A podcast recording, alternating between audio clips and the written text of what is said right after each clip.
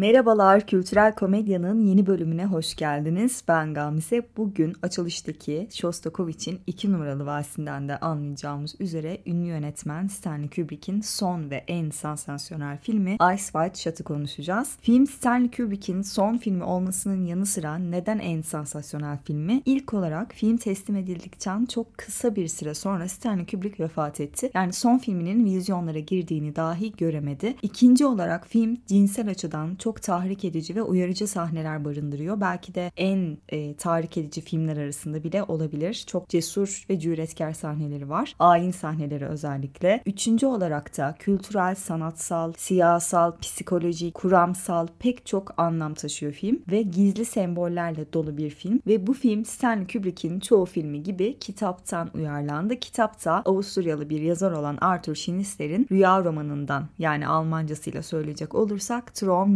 novelinden uyarlanmış bir film Ice White Shot. Aslında Stanley Kubrick filmin sinemaya uyarlanması için haklarını 1968 yılında satın alıyor ama 30 yıl sonra 1999 yılında vizyona giriyor film ve yaklaşık 400 günde çekilmiş. Oyunculardan dahi pek çok e, sahneler bir sır gibi gizlenmiş. Oyuncular filmin bazı sahneleri hakkında nasıl oynamaları gerektiği, burada ne anlatılmak istediği gibi sorular sorduğunda dahi oyuncuların bile soruları cevapsız bırakılmış. Çekimler de bir sır gibi saklanan zaten çekimler. Özetle Stanley Kubrick'in son filmi üzerinde sıkı sıkı düşünülmüş, 30 yılda hazırlanılmış, her dekor, her sahne, renkler, isimler alelade seçilmemiş bir film. Yani Kubrick kendine yakışan bir vedayla aramızdan ayrıldı diyebiliriz aslında. Kubrick kitabı sinemaya uyarlarken kitaptaki konuya çok sadık kalmış. Kitapta ne anlatılıyor peki? Genel olarak bastırılmış ve akıl dışı arzuların tezahürü, tabii ki rüya kuramı, psikanaliz ve bunların ortasında da cinsellikle harmanlanmış bir konu bizi bekliyor kitapta. Kitabın konusunda rüya kuramı dedik, psikanaliz dedik, akıl dışı arzularımız, bilinç dışı arzularımız dedik. Bunlar bir tesadüf değil. İlk olarak Arthur Schnitzler kendisi de tıp eğitimi almış. Psikiyatrist, bir oyun yazarı, roman ve öykü yazarı. Aynı zamanda Freud'la yakın arkadaşlar çok fazla meklaşıyorlar. Yani kitaptaki konuların bunlardan ibaret olması tabii ki çok da tesadüfi değil. Kitaptan farklı olarak filmde isimleri söyleyebiliriz. Stanley Kubrick 30 yıl çalıştığı filmindeki isimleri tabii ki alelade seçmemiş. Bütün isimlerin ne anlama geldiğini birazdan detaylı olarak anlatacağım. İkinci olarak e, gizli cemaatlere, tarikatlere, okültist anlamlara, Illuminati'ye, Masonluğa çok fazla gönderme var filmde. Stanley Kubrick'in çoğu filminde bu göndermeler, gizli semboller zaten karşılaşıyoruz. Çok da gizli bir şekilde karşılaşmıyoruz bunlarla. Aleni bir şekilde gösteriyor yönetmen bize bunları ama bu filmde artık hat safhada diyebiliriz. Ama onun dışında genel olarak anlatım itibariyle kitapla film paralel gidiyor. Dolayısıyla kitabı çok uzun uzun anlatmayacağım. Çünkü filmin bütün sahnelerini tek tek irdeleyeceğiz. İlk olarak isimlerden başlayalım istiyorum. Çünkü kitapta ana karakterlerimiz Doktor Fridolin ve karısı Albert'in. Ama filme baktığımızda Doktor William Harford ama film boyunca Bill diye hitap ediliyor kendisine. Karısı Alice ve kızları Helena var. Daha sonra sahneler boyunca bazı isimleri de tekrar değineceğim. Neden o isimler seçilmiş? Tabii ki bunlarda bir bilinç var. Ama ilk olarak ana karakterlerimizden gidelim. Tom Cruise'un canlandırdığı karakterin adı William Harford. Bunu nereden anlıyoruz? Filmin ilerleyen sahnelerinde gizli tarikattan aldığı mektupta üzerinde William Harford yazıyor. Ama filmin açılış sahnesinden filmin tamamı boyunca hep e, Tom Cruise'un canlandırdığı doktor karakterine Bill ismiyle hitap ediliyor. Peki Bill ne demek? Ödemek, fatura demek. Stanley Kubrick filminde açılış sahnesinden itibaren hatta filmin kapanış sahnesinde daha da yoğunlaşan bir şekilde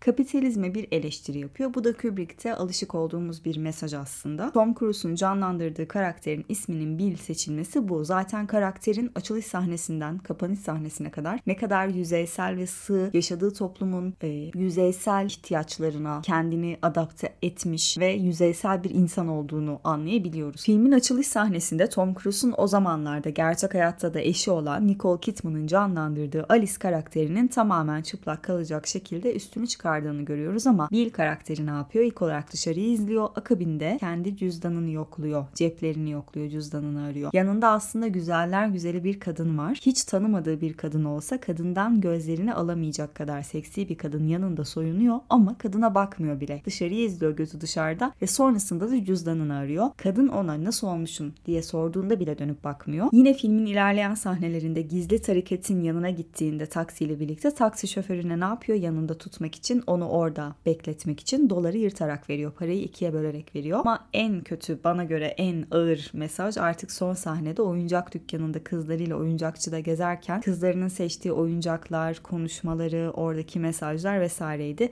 Kapitalist sistemi eleştiri anlamında. Film çekilirken ve film vizyondayken gerçek hayatta da eşi olan Tom Cruise'un Nicole Kidman'ın canlandırdığı karakterin adı ne? Alice. Tabii ki Alice bize neyi hatırlatıyor? Lewis Carroll'ın Alice Harikalar Diyarındası'nı hatırlatıyor. Bir mesaj barındıran, mesaj iletmek isteyen pek çok filmde Alice Harikalar Diyarında'ya atıf görüyoruz zaten. Bu filmde de görüyoruz. Özellikle de aynanın içinden tabına bir atıf görüyoruz. Filmin afişinde dahi bir ayna var. Nicole Kidman'la Tom Cruise'un tek gözü görünüyor. Nicole Kidman aynanın dışına doğru bakıyor. Film boyunca da zaten Alice karakterini çok fazla ayna karşısında göreceğiz. Ayna karşısına geçtikten sonraki sahneler artık gitgide daha da cüretkarlaşmaya, daha da bilinç altına inmeye Alice'in başlayacak zaten. Çünkü ayna nedir? E, bilinmeyen bir dünyaya geçiştir. Aynanın arkasında fantastik bir evren vardır. Gizem dolu olaylar başlayacaktır ve psikanalist Lacan'ın ayna evresi fikirleriyle de yorumlayabiliriz belki de. Lacan'a göre çünkü neydi? Bebekler 6-18 ay dönemlerinde ilk kez kendilerini keşfetmeye başlıyorlar. Ve anneden bağımsız olarak kendi imajlarını bir bütünlük olarak algılamaya başlıyorlar. Alice ayna karşısına geçtiğinde kendi benliğinin bir başka yüzüyle tanışmaya hazır hale geliyor. Ve filmde kullanılan ayna metaforunun diğer anlamı da şu da olabilir. Zaten burada da anlayabiliyoruz film boyunca. Aynaya baktığımızda nedir? Kendimize yabancılaşırız ya da aynada gördüğümüz kişiyle gerçekte hissettiğimiz benliğimiz arasında bir sorgulama yaparız. Gerçekten gördüğüm ben miyim? Bu ben miyim sorusu gelir ya aklımıza. Şaşırırız aynada gördüğümüzle mimiklerimizi kıyaslarız vesaire. Bunu zaten filmde yine görüyoruz. Alice kendini uzun uzun izliyor aynada. Yani aynada görünen mi gerçek yoksa hissettiği mi gerçek sorusu var. Çiftin kızlarının adı neden Helena dersek tabii ki Kubrick gibi bir yönetmen söz konusu olduğunda bu da alelade seçilmiş bir isim değil. Bill gece boyunca katıldığı gizli tarikatın ayininden evine dönünce ilk olarak çiftin kapı numaralarını görüyoruz. Ne bu? 5A. 5A bir kere cepte. Daha sonra Bill koridorda yürüyor ve koridorda yürürken sırtına dikkat edin. Sırtına Kubrick burada ışık gölge oyunu yaparak bir göz yansıtmış. O Illuminati'den görmeye alışık olduğumuz tek göz var ya hani her şeyi gören göz. O gözü yansıtıyor anlık olarak Kubrick Bill'in arkasına ve daha sonra Bill ilk olarak kızları Helena'nın odasına gidiyor. Odanın kapısında zaten Helena ismi yazıyor ve Helen kızlarını görmüyoruz bu arada onu da söyleyeyim yani odaya gidiyor kızlarına bakmak için ama kızlarını görmüyoruz biz o an sahnede. Sadece kızlarının kapısını ve kapının üzerinde yazan Helena'yı görüyoruz ve Bill orada kafasının önüne eğerek uzun uzun düşünüyor. Yaklaşık bir 20-30 saniyelik bir sahne. Beşa ve Helena isimlerini arattığımızda da şunu görüyoruz. Marilyn Monroe'nun Helena Drive'da öldüğü, Helena Drive isimli bir caddede öldüğü ve 5 Ağustos gününde öldüğünü. Biliyoruz ki Marilyn Monroe yüksek dozdan öldü. Bizim bildiğimiz bu. Ama ölümünün şaibeli olduğunu da biliyoruz. Kennedy'lerle ilişkisi vardı. Ölümünün arkasında Kennedy'ler mi var? Başka bir gizli tarikat mı var? Bilmiyoruz. Oralar artık spekülasyon. Ama filmde Bill karakterini gizli tarikattan kurtarmak için kendini feda eden Mandy karakterinin de aslında Mandy'yi öldüren de tarikat cemaat. Çünkü o kendini feda etti Bill'i kurtarmak uğruna. Ama gazetelerde gördüğümüz neydi Mandy'nin ölümüyle alakalı? Yüksek dozdan öldü bir hayat kadını ölü bulundu şeklindeydi.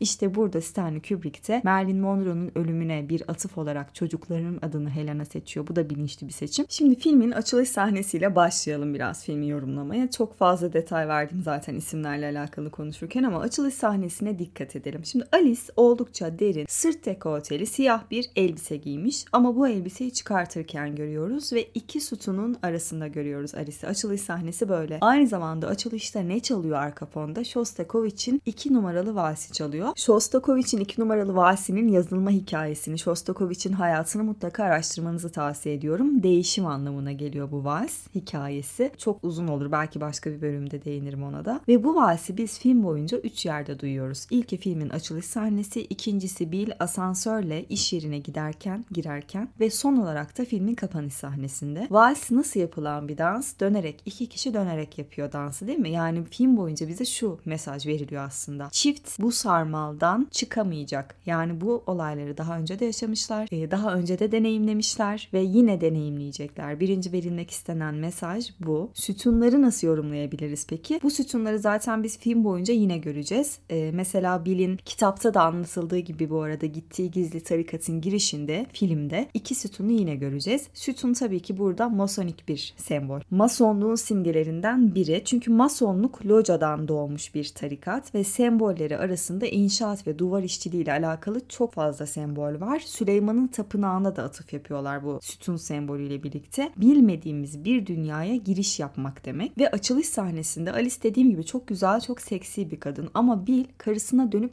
bakmıyor bile. Dışarıyı izliyor, kadına dönmüyor. Yani şu var, evet bu filmde çok fazla gizli anlamlar da var ama herkesin çıkarabileceği aynı zamanda çok güzel toplumsal, psikolojik ve ilişkilere dair çok güzel mesajlar da var. Uzun bir evlilik görüyoruz, çocukları var ve cinsellikten belli ki uzak bir süreçten geçiyorlar. Yatak odalarındaki dağınıklık ama bunun yanı sıra bunun tam zıttı evin geri kalan kısımlarının çok toplu olması aslında iç dünyalarının karışıklığı, birbirlerine olan uzaklığı, o karmaşıklığı anlatıyor yönetmen bize. Ve Alice derin dekolteli çok güzel elbisesini çıkarıp daha kapalı bir seçim yapıyor. Çünkü bu geçiş kendini bastırması, toplumun evli çocuklu kadın kalıplarından çıkamamasına bir işaret. Ardından çift Ziegler'in düzenlediği bir Noel davetine gidiyorlar. Davete girişte yerlere dikkat. Zemin nasıl? Siyah beyaz karo taşlarla döşenen bir zemin görüyoruz. Satranç tahtası gibi. Zaten bu zemini masonik anlamlar taşıyan bütün filmlerde görebilirsiniz. Ne anlama geliyor peki? Karanlık ve aydınlık, iyi ve kötü gibi karşıt güçler arasındaki mücadele anlamına geliyor. Daha sonra bitti mi? Hayır. Masonik simgeler bitmedi. Zeminde masonik bir simge bize gösteriliyor.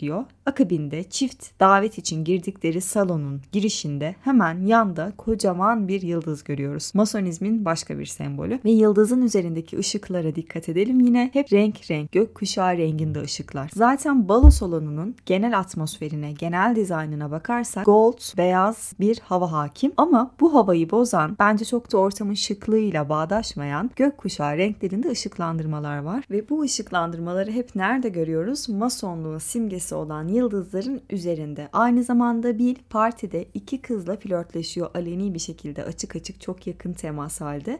Kızlardan birisi nerede çalışıyor? Rockefeller Plaza'da. Diğeri nerede peki? Diğeri de Britanya'da Windsor Hanedanlığı'na atıf yapan bir isim söylüyor. Masonluğun başka bir tezahürü zaten ve kızlar defalarca kez bile ne diyorlar? Gökkuşağının bittiği yere gitmek ister misin teklinde bulunuyorlar. Aslında çok basit bir şekilde düşünürsek cinsel bir teklif olarak yorumlayabiliriz ama tabii ki bu kadar basit düşünmüyoruz. Çünkü gökkuşağının bittiği yer neresi? Gökkuşağı cennete uzanan bir köprü ve ucunda bilgelik var. Aynı zamanda filmde biz gökkuşağını nerede görüyoruz? Bill tarikate gitmeden önce kostüm kiralamak için gittiği dükkanın adı ne? Rainbow, gökkuşağı. Orada da gökkuşağını görüyoruz. Burada da masonizme giriş yine. Çünkü masonizm cennete uzanan bir köprü ve ucunda bilgelik var. Mesajı da bu yönetmenin. Ve baloda sıkıcı bir danstan sonra Bill üniversiteden bir arkadaşıyla Nightingale ile karşılaşıyor. Bill arkadaşıyla konuşurken Alice de bara gidiyor. Barda şampanya içerken yanına orta yaşlı birisi gelip Alice'in şampanya kadehinden içerek tanışmak istiyor. Ve direkt Ovid'in aşk sanatını okudunuz mu diyor. Çünkü neden? Ovid diyor ki bir kadınla cinsellik yaşamak, yakınlaşmak istiyorsanız onun kadehinden için. Ve Macar yabancının ismini öğreniyoruz. Sandor Savos. Bu isim de tabii ki yine alelade seçilmiş bir isim değil. Burada da bir zihin kontrolü ve zihin yönlendirmesi var. Satanizmin kurucusu aslen Macar ve ismi ne? Anton Sandor. Dediğim gibi Kubrick'in mesajlarını bu kadar kesin, bu kadar açık ve çok verdiği belki de tek filmi bu olabilir. Zaten bu sebeple bu kadar çok sansasyon yaratıyor film. Hatta filmi teslim ettikten sonra ve vizyona girmesinden çok kısa bir süre önce vefat etmesinin arkasında da bazı dedikodular var. Filmle alakalı olduğuyla alakalı. Bilemiyorum oraları açıkçası. Biraz magazine de giriyor ya da çok e, tarikatvari konuşmalar, komple teorileri yapmak istemiyorum açıkçası. Her iki isim de Bill de Alice de birbirlerini aldatmanın eşiğindeler. Bill kızlarla, Alice de oradaki Macar yabancıyla. Ama Bill'in konuşması kızlarla yarım kalıyor. Çünkü davet sahibi Ziegler yukarıda bir hayat kadınıyla cinsel birliktelik yaşama aşamasında diyebiliriz belki. Ama kız overdose'dan baygın bir halde yatıyor ve yardımına Bill'i çağırıyor Ziegler. Bill kızın yanına gittiğinde kızı telkin ediyor, sakinleştiriyor, kendine getiriyor vesaire vesaire. Ardından çift eve dönüyor ve biz Alice'i ikinci defa ayna karşısında görüyoruz. Çıplak bir şekilde görüyoruz. Alice kendine aynada uzun uzun bakıyor ve bu noktadan sonra artık işler değişecek. Bu noktadan sonra zaten eleştirmenler ve film yorumcuları çok farklı düşüncelere sahip. İlk olarak en yüzeysel haliyle bakacak olursak filmde uzun bir ilişki, uzun bir evlilik, çocuklu bir evlilik, bastırılmış cinsel arzular, yaşanmayan cinsellikler vesaire bunların eleştirisi, bunların anlatısı var. İkinci fikir şu, Film karakterlerden birinin rüyasını anlatıyor. Ben ikinci taraftayım. Neden böyle düşünüyorum? İlk olarak kitabı okuduysanız kitapta devamlı tabii ki kitapta şunu söyleyeyim e, bu bir rüyadır şeklinde bir cümle bize verilmiyor. Yani bunun kesin olarak rüya olduğunu kitabın bilmiyoruz ama çok fazla şöyle söylemler. Rüyamda görmüştüm, rüyamda gördüğüm gibiydi, rüyadaki gibi karşıma çıktı, rüya rüya. Rüyaya çok atıf var kitapta. Kitabın son satırları da Doktor Fridolin diyor ki hiçbir rüya tam olarak rüya değildir. Kitap böyle son buluyor zaten. Stanley Kubrick de kitaba çok sadık kalmış filmi sinemaya uyarlarken. Peki film kimin rüyası dersek Alice'in rüyası ve işte rüya Alice'in çıplak bir şekilde kendini aynanın karşısında izleme sahnesinden sonra başlıyor. Aynanın öteki tarafına geçiyor ve artık gizem, fantastik dolu bir dünya başlıyor. O sahnenin ardından aynı zamanda filmde uzamsal olarak hep bir kopukluk görüyoruz. Ve 21. dakikada Bill asansörle yani bilinçaltına işaret eden bir sembol asansör. Asansörle iş yerine girdiğinde arkada yine ne çalıyor? Shostakovich'in 2 numaralı valsi çalıyor yani değişimin müziği. Ve iş yerine dikkat ederseniz bilin hep sürrealist tablolarla dolu bir yer. Aslında çok da alışılmış bir doktor muayenehanesi değil ve filmin tamamı bir rüya mıdır? Ee, çok sanmıyorum aslında. Çünkü karakterlerin iç dünyasına girebilmemiz, rüyayı anlayabilmemiz ve daha doğru yorumlayabilmemiz için gerekli mesajlar o ana kadar bize veriliyor bence ve sonrası rüya artık. Ve rüyanın ilk evrelerine dikkat ederseniz Alice için Alice baloda Macar yabancıyla dans ederken İtalya hakkında sohbet ediyorlar ve rüyanın ilk evrelerinde de doktor Bill'in hastasının vefat haberi üzerine Bill hastasının odasına gittiğinde hemen karşı tarafta bir Venedik tablosu görüyoruz. Zamanlı olarak Alice evde otururken mutfakta mutfaktaki o televizyonda ki o televizyon film boyunca herkesin evinde olan televizyon. Çünkü kendi evlerindeki televizyonu ve kendi evlerindeki dekorasyonu Alice rüyasında gördüğü diğer evleri yani bilmediği evlerin dekorasyonuna da yerleştiriyor o televizyon. Ona da dikkat edin. O televizyonda da o esnada İtalyanca bir film çalıyor. Bu rüyanın artık ilk evreleri yani günlük hayatta konuştukları rüyada günlük olaylar gibi karşısına geçiyor. Henüz uyku derinleşmedi. Doktor Bill'in hastasının vefat haberini aldığı sahneleri hatırlayalım şimdi. Nasıl olmuştu o sahneler? İlk olarak yine Alice'i üçüncü defa aynanın karşısında kendini izlerken göreceğiz ve etrafta nispeten soğuk tonlar var. Mavi ve mavinin tonlarını görüyoruz. Neden? Çünkü mavi huzurdur, dinginliktir ama rüya derinleştikçe, alt katmanlara doğru inildikçe Alice'in bilinçaltında renkler hep kırmızı ve kırmızının tonları daha sıcak, daha tahrik edici tonlar oluyor. Bu neden peki? Çünkü kırmızı nedir? Tehlikenin rengidir, aşkın rengidir, tutkudur, saldırganlıktır aynı zamanda. Ve filmin başından itibaren bize Alice hakkında verilen etraftaki kalıplara uyduğu, mesela dekolteli elbisesini bile çıkarmıştı baloya giderken. Nispeten daha kapalı bir elbise giymişti. Alice ne yapıyor aynanın karşısına geçtiğinde? Yara bandı kutusunun içinden yasaklı bir madde çıkarıyor ve Bill'le o maddeyi içmeye başlıyorlar. Aslında bu Alice karakterinin filmin ilk 21 dakikasından anladığımız Alice karakterinin yapacağı bir hareket değil. Ama rüyada artık yasaklar ortadan tamamen kalkmış vaziyette ve Alice ilk yaptığı şey yasaklı bir madde içmek olacak rüyasında. Ve yasaklı madde etkisi altındayken o konuşmaları, yatak odalarındaki o konuşmaları ne kadar gerginlik dolu sahneler onlar hatırlarsak ve Bill ne diyor? Ben sana güveniyorum, ben seni kıskanmıyorum. Aslında Alice Bill'in kendisini kıskanmasını istiyor bilinçaltında ama ben seni kıskanmıyorum çünkü neden? Sen benim çocuğumun anasısın, sen benim karımsın şeklinde çok klişe bir konuşma yapıyor ve ardından Alice ne diyor? Siz erkekler her şeyi bildiğinizi zannediyorsunuz. Bizim için tek şey güven ve sadakat mi? Hiçbir şey bilmiyorsunuz. Keşke bile bilseydiniz diyor ve ardından bir yıl önce yaz tatillerinde gittikleri tatilde genç bir subaydan çok etkilendiğini hatta o subay eğer Alice'e en ufak bir kur yapsaydı çocuğumuzu da seni de tüm geleceğimizi de bırakıp o subayla gitmeye hazırdım diyor. İşte bilinç altında hiç yapamadığı o konuşmayı ilk kez Bill'le rüyasında gerçekleştirebiliyor. Konuşmaları yarım kalıyor. Bill'in bir hastasının vefat haberiyle. Telefona dikkat edelim. Filmin açılış sahnesinde telefonları beyazdı ve yeri farklı bir yerdeydi. Ama rüyada Alice'in rüyasında telefon siyah renk olacak ve telefonun yeri değişecek. Yine yatakları beyazdı ama rüyada yatakları kırmızı kırmızı olacak. Ve Bill hastasının evine gittiğinde koridorda yürürken sol tarafta bir obje göreceğiz ama 5 dakika sonra farklı bir karakter orada yürürken aynı koridorda ki filmin akışı için önemli bir karakter de değil ama karakter yürürken onu biz takip ediyoruz ve o obje orada değil. Bu çekim hatası değil tabii ki Kubrick gibi bir yönetmen için. Kasıtlı yapılmış bir hile bu. Rüyamızdaki bazı kopukluklara bir gönderme tabii ki bu bir çekim hatası değil. Ve oradaki karakter, koridorda yürüyen karakter bile aşkını itiraf eden hastasının kızı vesaire.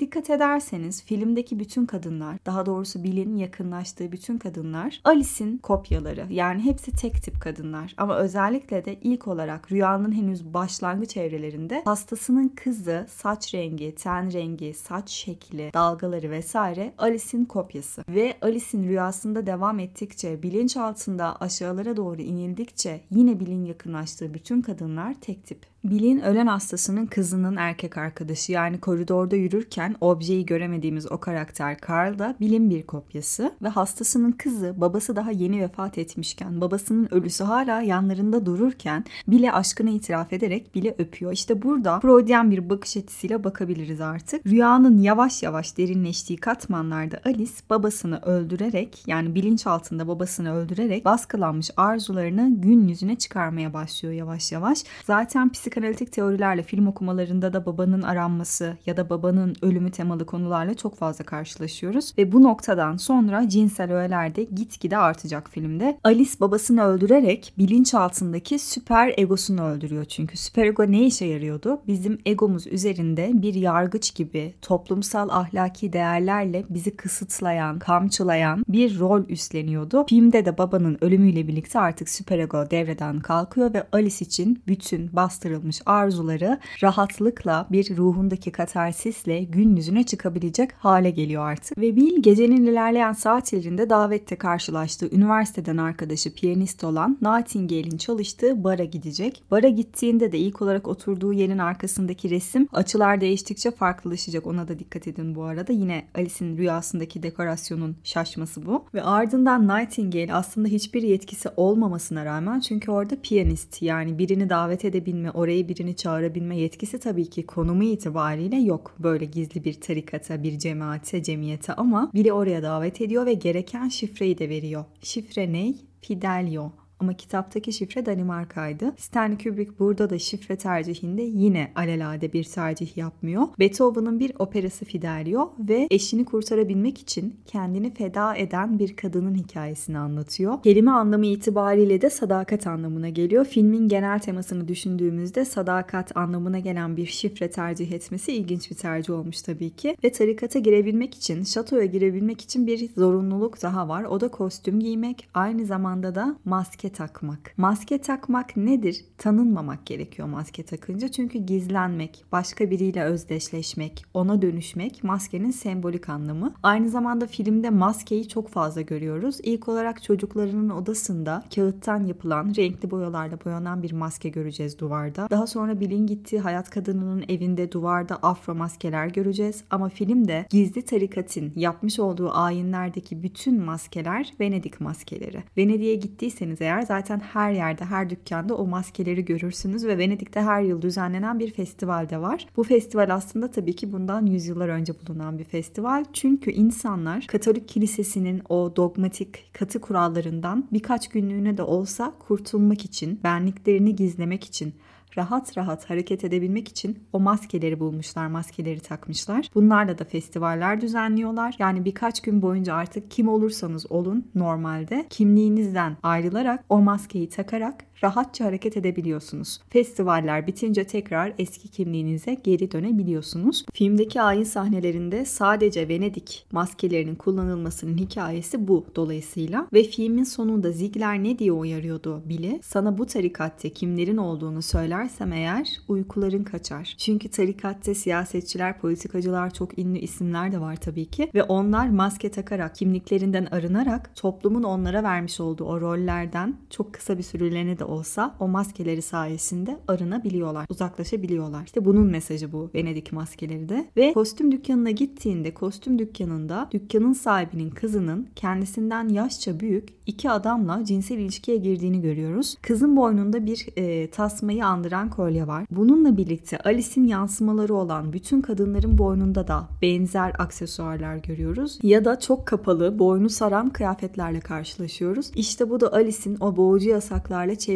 hayatının yani boynunda adeta bir tasmayla sıkı sıkı olan bir aksesuarla toplumsal rol ve yasaklara uymasının sembolü. Daha doğrusu kendisinden bu yasaklara uygun davranılmasının gerektiğinin sembolü. Burada kostüm dükkanının sahibinin kızı da Alice'in çocukluğu zaten. Yine Alice'in başka bir yansıması bu kız. Burada kız gece iki adamla, iki yabancı adamla ve kendisinden çok çok büyük adamlarla cinsel ilişkiye girerken yakalanıyor babası tarafından. Ve babası çok öfkeleniyor, sinirleniyor, polisi çağıracağını söylüyor, tehditler savuruyor. Ertesi gün bir kıyafetlerini iade etmek için dükkana girdiğinde bu iki adamın çok güzel bir şekilde dükkandan uğurlandıklarını görüyor ve sahibine soruyor. Dün gece ne oldu? Hani yanlış anlamazsanız bu fikir değişikliğiniz ne diyor. Adam da ne diyor? Öyle gerekti, öyle olması gerekti diyor.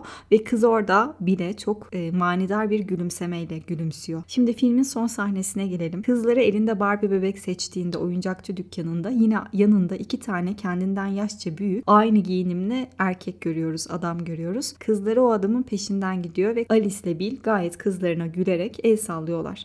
Ya burada hem kapitalist sistemin eleştirisi hem kızların bu tarikatlar tarafından nasıl kullanıldığı, genç kızların nasıl nasıl aklının çelindiği. Birkaç gün önce de bu Kedicik belgeselini izlemiştim. O da aklıma geldi bu sahneleri anlatırken şu anda. Orada da aynı hikaye vardı. Ve artık filmin en gergin, en heyecanlı yeri başlıyor. Müzikler, renkler, hareketler psikolojik bir baskı altında tutuyor sizi izlerken. Her defasında aynı gerilimi yaşıyorum ben. Bu noktadan sonra çok ilginç sahneler var. Evet erotizm hat safhada ama bir o kadar da gerginlik de hat safhada ve o gerginlikten çıkmak istiyor insan izlerken aslında. Kırmızı ve koyu tonlar sorunlar artık çok fazla başladı. Herkes maskeli. Maskeler sayesinde hiçbir şekilde yasak yok. Her şeyin serbest olduğu cinsel içerikli ayin sahneleri görüyoruz. Tüm kızların boynunda siyah bir tasma gibi kolye var. Yine dikkatinizi çekerim. Ve herkes siyah pelerinli ama bir kişi hariç. O da ayinin ortasında çift başlı kartal figürü olan tahtında oturan kırmızı pelerinli baş rahip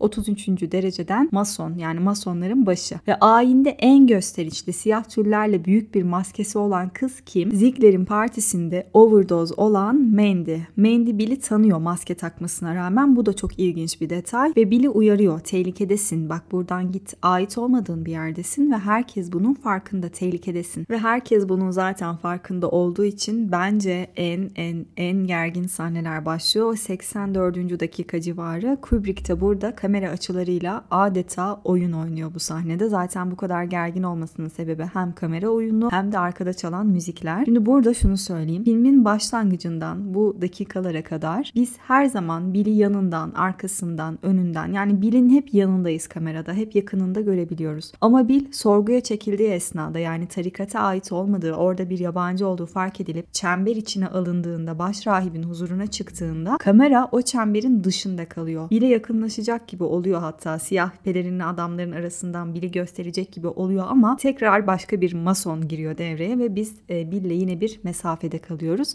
İşte başrole tamamen uzak kalmamız, ona hiçbir şekilde içinde bulunduğu o sorgu anında yanında olamamamız için Kubrick tarafından yapılmış bir kamera hilesi bu. Ve sarmaldan nasıl çıkabiliyoruz? Bu sorgudan nasıl çıkabiliyoruz? Bill'i kurtarmak için kendini feda eden hayat kadını Mandy sayesinde. Yani tarikatın o akşamki ayinine girebilmek için gereken şifrede olduğu gibi kocasını kurtarmak için kendisini feda eden kadın sayesinde sayesinde. Çünkü Mandy karakteri de Alice'in bilinçaltındaki farklı kişiliklerinden birisi. Kendini feda ediyor kocası için rüyasında. Ve bu filmin rüya olduğunun başka bir kanıtı da bu sahnelerin ilerleyen sahnelerinde var. Gizli bir tarikat görüyoruz ve gördüğümüz kadarıyla masonluk bu tarikat. Ama masonlar diyor ki tamam buradan gidebilirsin ama gördüklerini kimseye anlatmayacaksın. Yani sizce bu kadar güçlü bir tarikat tamam git okey ama gördüklerini kimseye anlatma. Söz mü söz? Sözüyle bir insanı serbest bırakır mı? Hayır. İşte buradaki bu saçmalık da rüya olmasından kaynaklı kaynaklı zaten olayların. Ve daha sonra Kubrick'in yaptığı başka bir sanatsal oyunu da göreceğiz. Dördüncü duvarın yıkılması. Bu terimi Deniz Dider ortaya attı bu arada. Bir önceki bölümde ondan da bahsetmiştim. Normalde tiyatro ve oyunlar için kullanılan bir terim ama günümüzde artık sinemada kullanılıyor tabii ki. Normalde sinemada nedir? Olaylar gerçekleşir ve biz dışarıdan bir gözle izleriz. Kimse bize dönerek oynamaz, dönerek bakmaz ama burada karakter bizi tamamen gerçekliğinin içine çağırmak için kameraya bakar. Bizle göz teması kurar. O noktadan sonra hem film filmin sonuna yaklaşıyoruz hem de Alice'in rüyasında bilinç altına doğru daha da iniyoruz ve bilinç neredeyse tamamen yok oluyor artık devreden çıkıyor. Mesela Bill New York sokaklarında yürürken sokaklar çok farklılaşıyor, etrafı tanıyamıyor, neredeyse hiç ipucu yok ve cemiyetin üyeleri tarafından takip ediliyor. Çünkü bir önceki gün çift başlı kartal tahtında oturan baş rahip ne diyordu? Masonluğun simgesi olan o çift başlı kartal tahtında oturan baş rahip tamam buradan gidebilirsin ama burada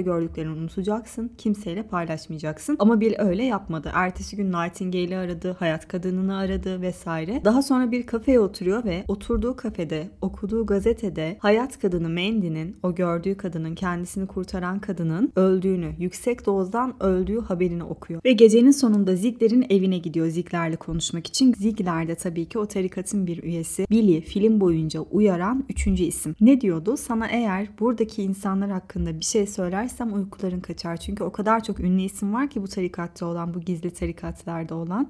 En iyisi her şeyi araştırmayı bırak ve evine git. Daha sonra Bill evine gidiyor. Karısına gördüğü her şeyi anlatıyor ve çocuklarıyla birlikte bir oyuncak dükkanına gidiyorlar Noel sabahında. Kapitalizme en derin göndermeler işte filmin sonunda bu oyuncak dükkanında gerçekleşiyor zaten. Kızları tüm oyuncaklar arasında bazılarına yöneliyor. Mesela bir bebek arabasına yöneliyor ki bu bebek arabasını biz Alice'in rüyasında hayat kadınının evine Bill ikinci kere gittiğinde kapıda görüyoruz. Daha sonra bir peluş oyuncaklara gidiyor. Peluş oyuncakların arasında kaplan var ki o kaplan da hayat kadınının evinde yatağın üzerinde duran kaplan figürü. Bu oyuncakların hiçbirine evet alabilirsin bunu al bunu alabilirsin demiyor çift. En sonunda Helena hangi oyuncağı tercih ediyor? Bir Barbie bebek ve Barbie bebek kutusuyla annesine babasına gülümseyerek baktığında Alice ile Bill de başlarını sallayarak kızlarını onaylıyorlar. Barbie bebek kutusunu elinde tutarken de başında iki tane kendisinden yaşça büyük adamlar var. Bu adamları daha önce Ziegler'in partisinde Masonik Parti'de görmüştük zaten. İşte burada kapitalizme dair Barbie bebeklerle alakalı kadınların kız çocuklarının daha çok küçük yaşlardan itibaren tek tip hale getirilmesi ancak o şekilde arzulanabilir nesneler olabilmeleriyle alakalı bazı mesajlar veriyor Stanley Kubrick bize ve film tekrar Shostakovich'in iki numaralı vasiyle son buluyor. Yani bunlar Alice'in rüyası olsa da, Bill'in rüyası olsa da, Bill'in fantezisi olsa da ya da hepsinin ötesinde gerçek bir olaysa eğer bu gece boyunca yaşanan çiftin daha önce bunları yaşadığı bu sarmaldan, döngüden daha önce de geçtiği ve yine geçecekleri anlamına geliyor. Stanley Kubrick film boyunca dediğim gibi Illuminati, masonluk, kapitalizm, gizli tarikatlar, cemaatler, zihin kontrolü, zihin yönlendirmesi bunlarla alakalı verilebilecek ne kadar gizli sembol varsa hepsini filminin farklı yerlerine yerleştirmiş. Zaten Stanley Kubrick'in de Illuminati ile ve masonlukla çok yakın bağlantısı olduğu bilinenler arasında. Hatta ve hatta komple teorilerin biri de diyor ki duymuşsunuzdur belki. Ay'a gidilmedi aslında. Amerika o uzay savaşlarında Ay'a çıkmadı. Stanley Kubrick'in o harika yönetmenin kamerasından çekilmiş bir ışık gölge oyunuyla sanki Ay'a gidilmiş gibi Ay'ın fotoğrafı Stanley Kubrick tarafından kendisi çekildi yani yaratıldı denilen bir komplo teorisi de var ama doğru mudur sanmıyorum. Yani Ay'a çıkılmamış da Stanley Kubrick bunu kendisi yapmış da o yüzden çok yakın bağlantıları varmış da zaten kendisi gizli bir cemaatin üyesiymiş de miş demiş de bilemiyorum. Çok spekülasyon